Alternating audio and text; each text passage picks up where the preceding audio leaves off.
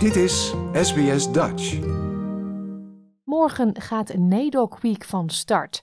Een week van viering en erkenning van de geschiedenis en prestaties van Aboriginals. NAIDOC wordt elk jaar begin juli gehouden en is een geweldige kans voor alle Australiërs om meer te weten te komen over de First People van Australië. Dit is SBS Radio Dutch. NAIDOC Week begint elk jaar met een prijsuitreiking die vanavond zal plaatsvinden. Dit jaar werden de finalisten van de NAIDOC Week Award gekozen uit 200 genomineerden uit het hele land. Eerdere winnaars zijn tennisser Ash Barty en acteur Uncle Jack Charles.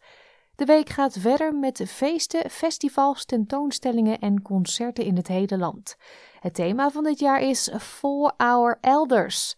In de Aboriginal cultuur zijn ouderlingen erg belangrijk. Ze zijn culturele kennishouders, leermeesters en inspiratiebronnen.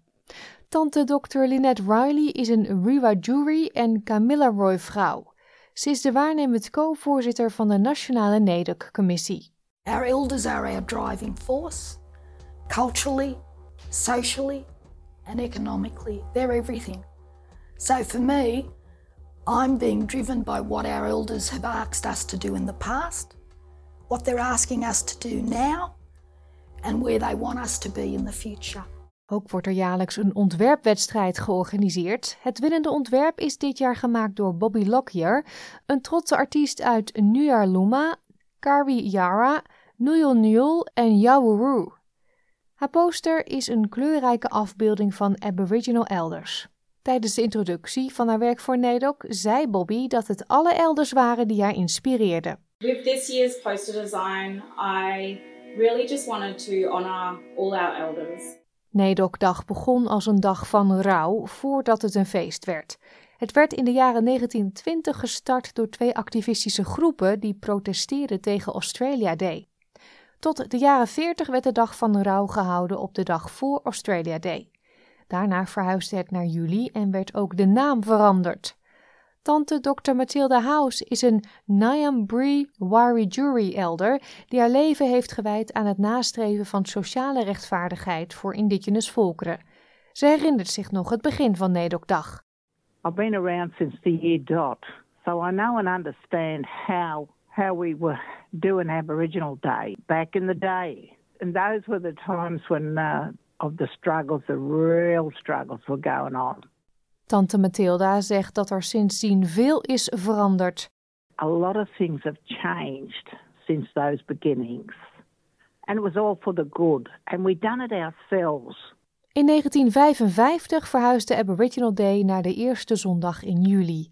En het werd ook een dag van viering en herdenking van de Aboriginals, hun rijke cultuur en erfgoed.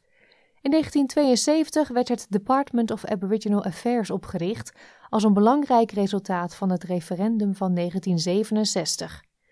Nu zitten we slechts een paar maanden voor een ander referendum, dit keer over de Indigenous Voice to Parliament. Het doel van het referendum is om Aboriginals en Torres Strait Islander volkeren in de grondwet te erkennen door een Aboriginal en Torres Strait Islander Voice op te richten. Voor veel Aboriginals is het referendum een welkome zet van de regering. Jade Aporici komt uit de Boonda clan van de Gureng Nation. Ze is een woordvoerster voor Yes23 en de General Manager of Business Development bij TELUS Holdings. Jade is een pleitbezorger voor het Uluru Statement en steunt de oproep voor de oprichting van een First Nations Voice, die is vastgelegd in de grondwet. By being recognized in the Constitution, it brings us together as a nation. It goes a long way to healing past hurts and it provides an opportunity to heal. Aan SBS vertelde ze dat het opzetten van The Voice een heel praktisch doel heeft. In terms of the practical application of the voice, it just makes sense if we're heard on the things that matter to us, if we are able to share our lived experience, and, and for communities to be able to provide information on the solutions that they know will work for them, you know, that's going to bring better outcomes. Binnen de Aboriginal gemeenschap zijn er echter ook stemmen tegen het referendum. Nyungai Warren Mundine van de Bunjalung en afstammeling van de Yuin en Gumbenga people is een zakenman, politiek strateeg en pleitbezorger voor indigenous zaken. My view on the voice of Parliament is is it's a total waste of money. You know, there's 300 and something million dollars being spent, which could be spent on community projects out there in the regions of remote Australia. It is built on a falsehood that Aboriginal people don't have a voice. We've always had a voice, and we've had always a strong voice ever since 1973. So my thing is that we need to get economic development, jobs, uh, education, and investment into those communities and building businesses. That will be the only thing that will make the difference.